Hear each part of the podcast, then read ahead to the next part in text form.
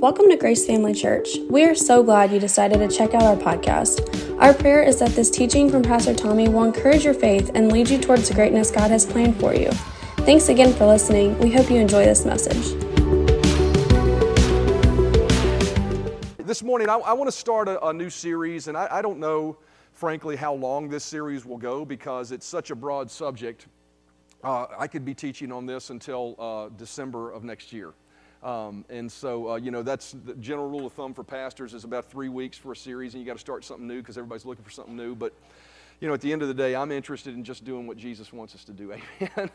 And so uh, I want to start a series today entitled Pleasing in His Sight. Pleasing in His Sight. And what really prompted me to do that was uh, as, as I prayed about the end of our message last week when we talked about what our, as a collectively as our church and as individually, what I really felt like the Spirit of the Lord was leading us to be our goal for the coming year, our outlook for the coming year.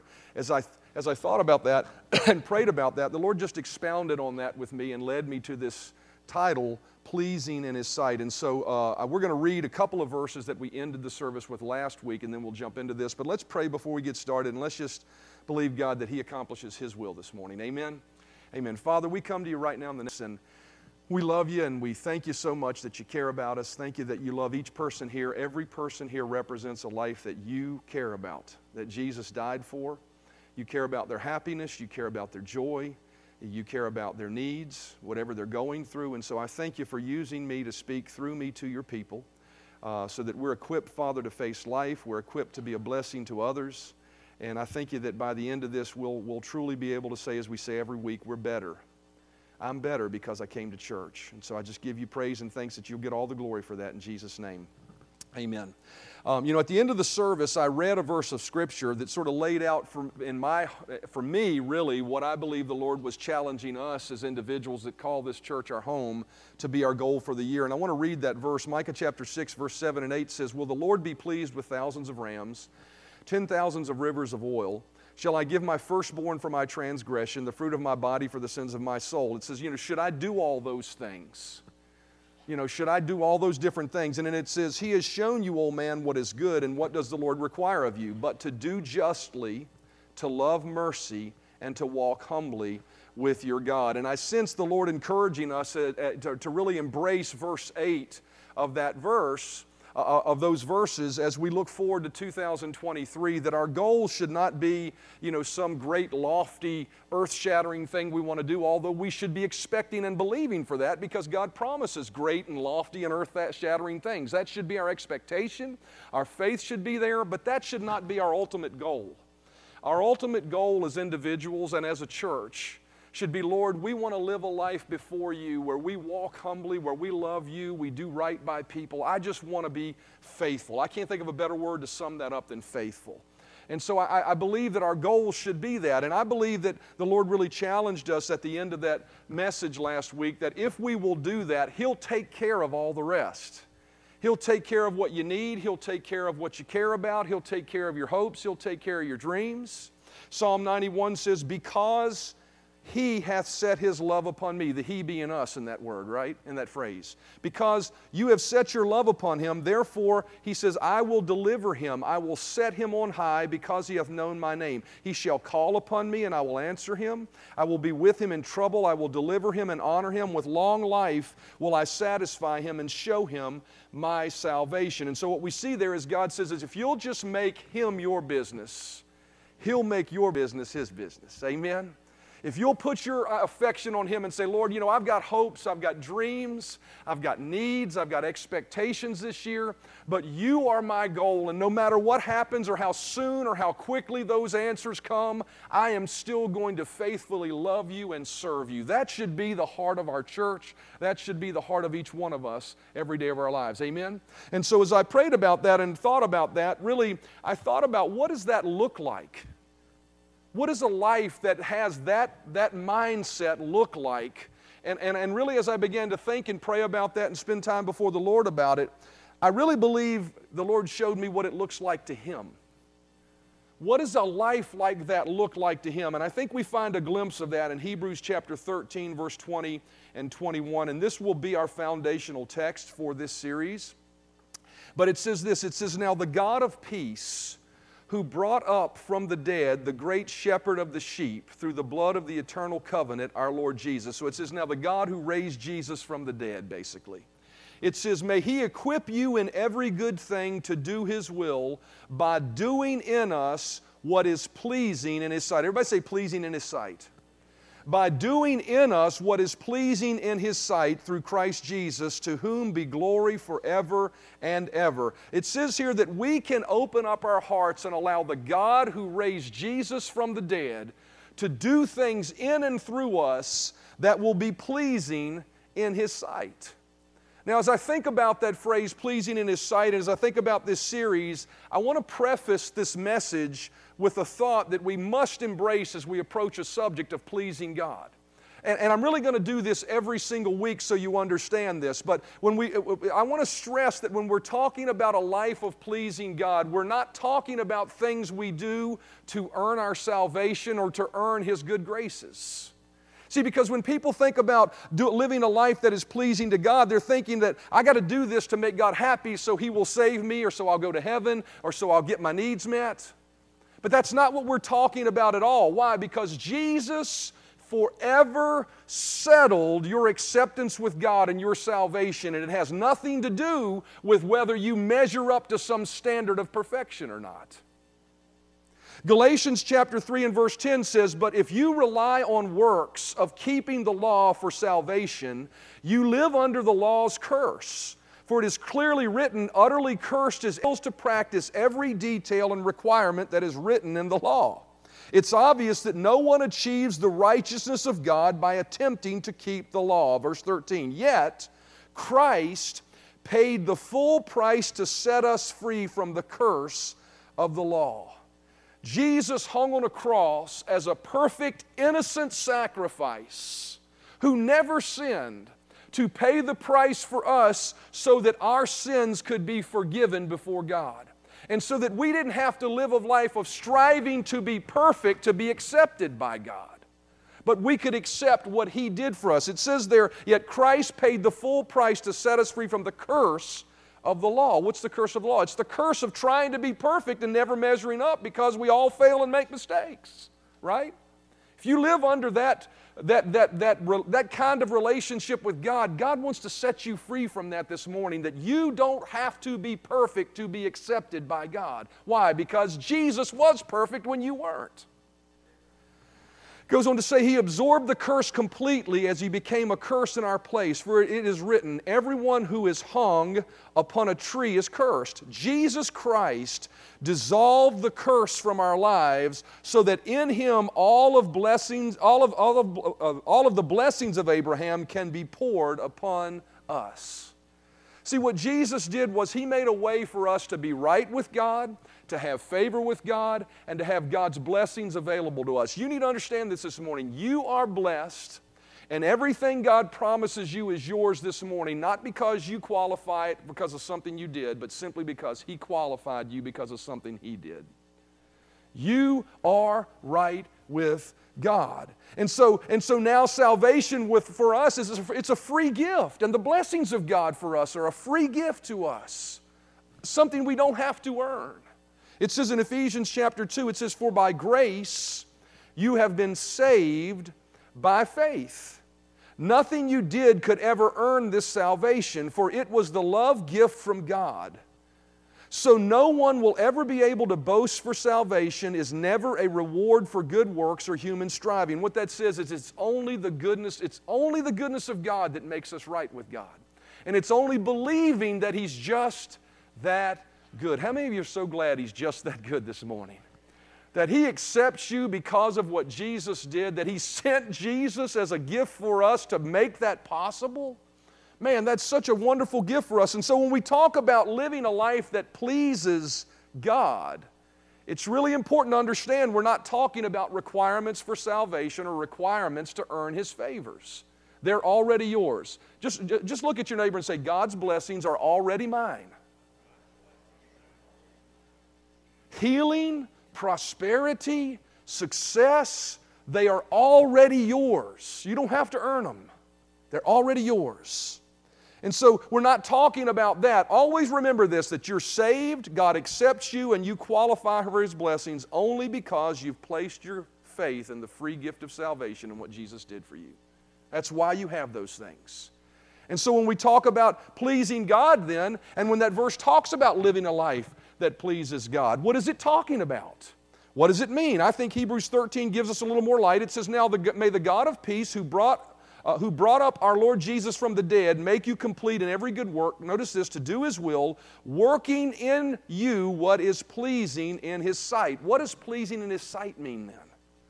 I think it's a, we can understand that by looking at the, what the word pleasing means. That word pleasing means gratifying, it means satisfying, or that which makes one happy. I think that last definition is really, really important for us to recognize this morning because I think uh, the entire thing I'm going to talk about this morning and in this entire series hinges on us understanding that. When the Bible talks about us living a life that is pleasing in His sight, it doesn't mean you need to live a certain way for Him to accept you because He already accepts you. It doesn't mean you need to live a certain way to earn His blessings because He's already given you His blessings through what Jesus has done for us. But what it is talking about is living a life that would make God smile, that would make Him happy, that would gratify Him. See, do you recognize this morning that God is an emotional being? See, a lot of people see God as this all powerful, uh, nebulous creation uh, or, or, God, you know, creator of the universe that, that has, has, you know, complete control, and, and He does, but, but, you know, He has no emotion and He's very much about His will, right? But the scripture tells us that we can do things that make the heart of God happy, that make Him smile, that gratify Him. And so, living a life that pleases God is not about earning something from Him, but it's about giving a life to Him that makes Him happy, that gratifies Him, that satisfies Him. Living a life that causes God to smile, living a life that warms His heart, living a life that makes Him feel loved. Living a life that makes Him feel loved. It's about seeking to live a life that would gratify him, much like a young man would seek to live a life making his bride feel happiness. See, a young man that truly loves the woman in his life, or the old man that actually loves the woman in his life. He does things for her not because he has to, not because he's obligated to, but because he wants to make her happy. He wants to gratify her heart. Now, why, why should we live a life like that before God? Why should we desire to make Him happy? 1 John chapter 4 and verse 9 says, We love Him because He first loved us. We should want to make Him happy. We should want to satisfy Him and gratify Him and bring Him joy. I think that's so often missed. Many times God look at, many people look at God as some sort of spiritual vending machine. Lord, I'm coming to you because I want something from you. I'm, I'm, I'm doing these things because I want to earn something from you. But our life before Him should not be a life of extracting from Him what we can, although He's willing to give us everything He has. It should be a life that says, Lord, I want to give you my life. I want to please you. I want to make you happy. Why? Because you loved me so much.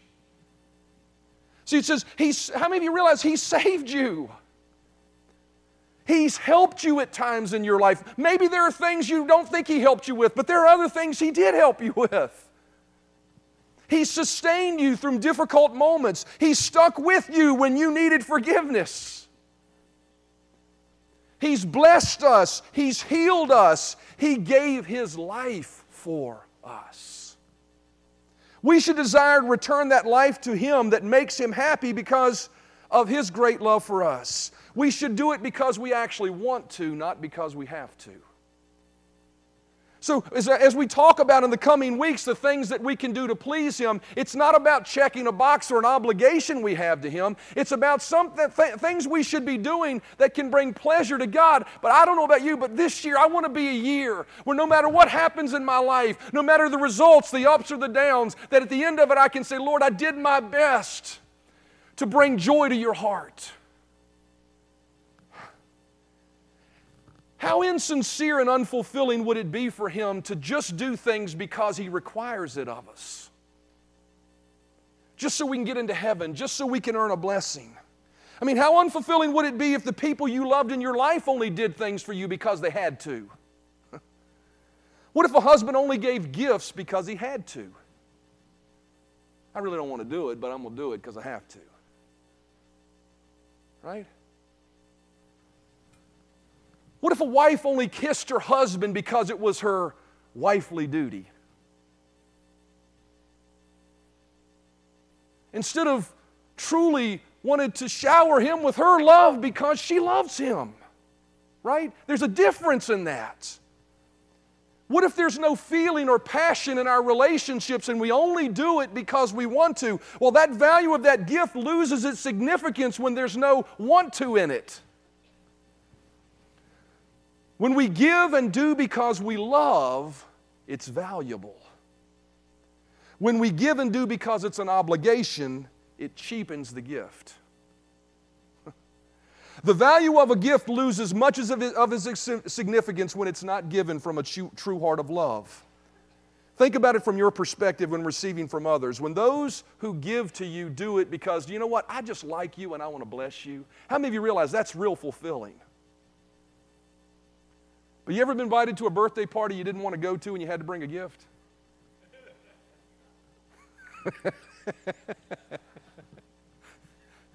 Those gifts have very little meaning. Right? The value of a gift is valuable because the heart that gave it says, I love you so much that I just, I got to do something to bless you. Amen. Amen. Not because it's demanded of us, not because we're obligated to do it. And here's the important thing to recognize about this God is the same way we are. We are made in His image. We tend to sort of distance Him from sometimes some of the, the, the, the traits that He gave us. He has emotions. Now, He has control of His emotions. He's not ruled by His emotions like many times we can be. But he has emotions. There are things that make him happy. There are things that grieve him. There are things that bring him joy. He wants to be loved. He want, you realize that's the, you know, that's the reason we're here is because he wants to love us, but he wants to be loved as well.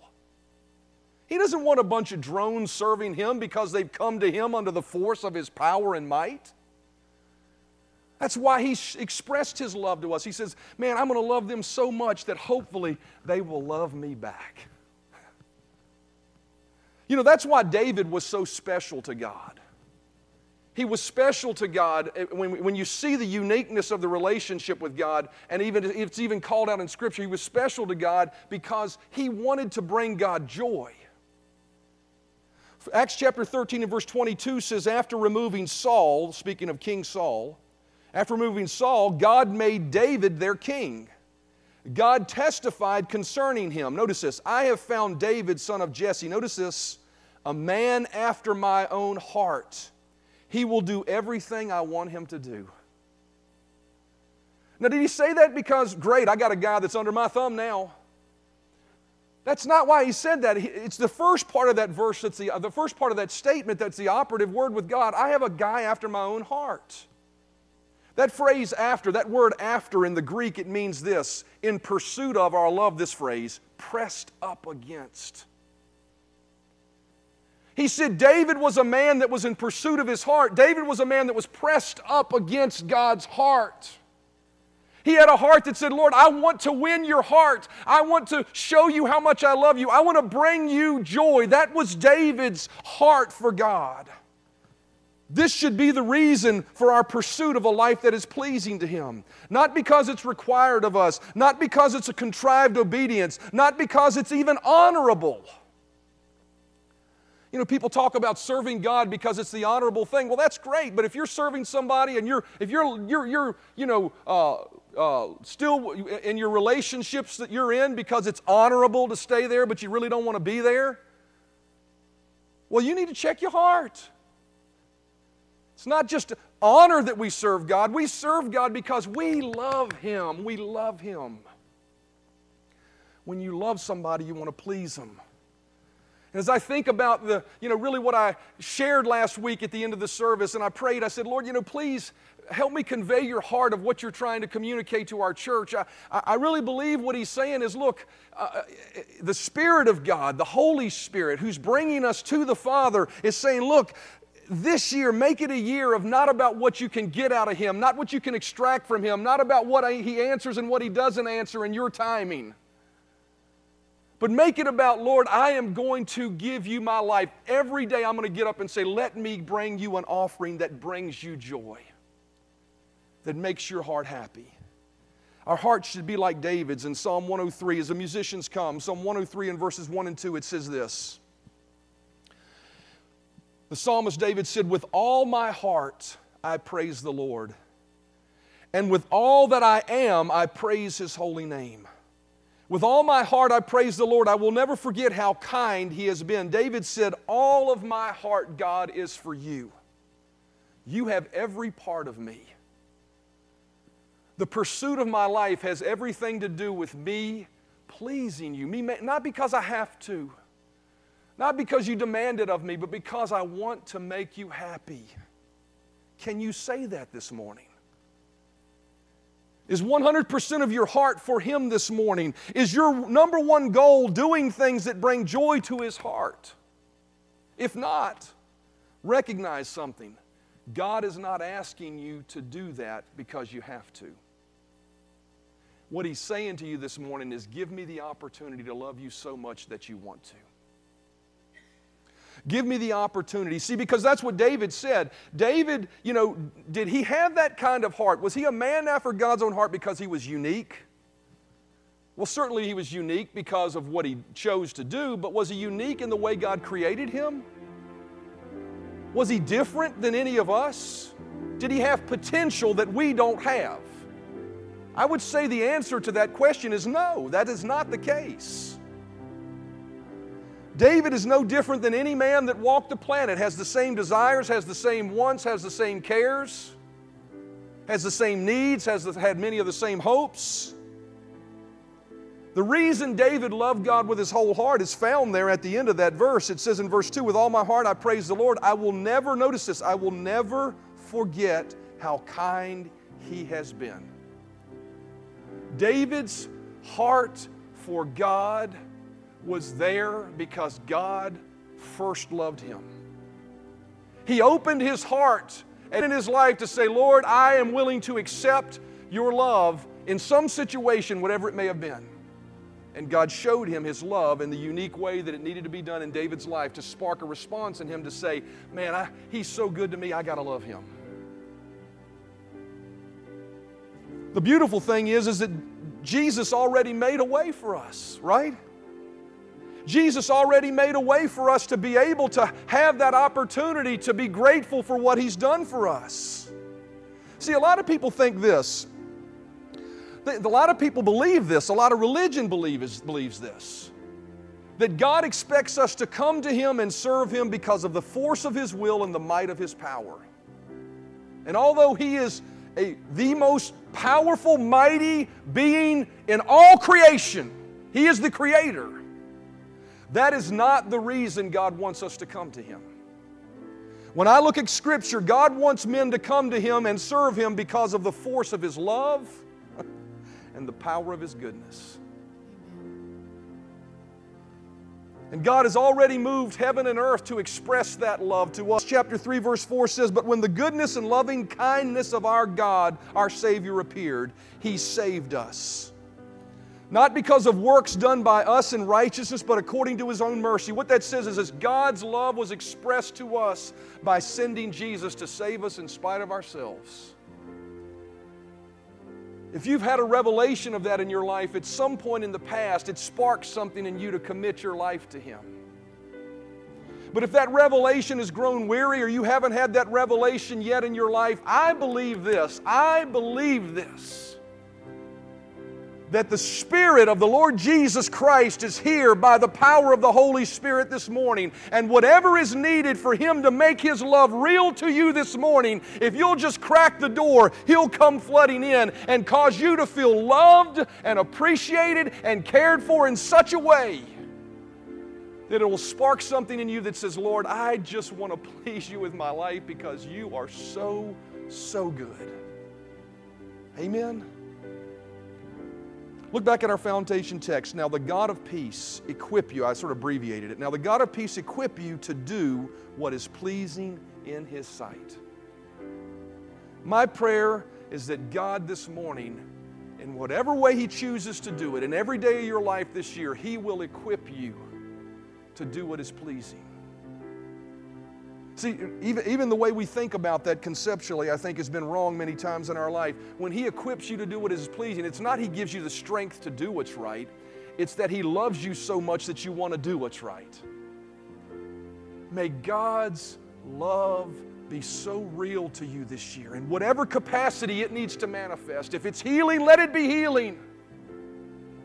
If it's provision, let it be provision. If it's peace of mind, let it be peace of mind. It's forgiveness of sins, let it be forgiveness of sins. But His love would manifest in such a way that it would produce a life that says, Lord, I love you so much that I just want to make you happy. I just want to make Him happy. That's my prayer for us today. We're going to talk in the coming weeks about some of those things we can do that will make Him happy. Not because we have to, but because we want to. I pray you'll come with a heart that says, Man, I get to find out something else today that I can do to make the lover of my soul happy. Something else I can do to make God want to dance, to make God want to shout. He said for David, Because he has set his love upon me, I will show him my salvation. Thanks for listening to our Grace Family Church podcast. We really hope you enjoyed this message.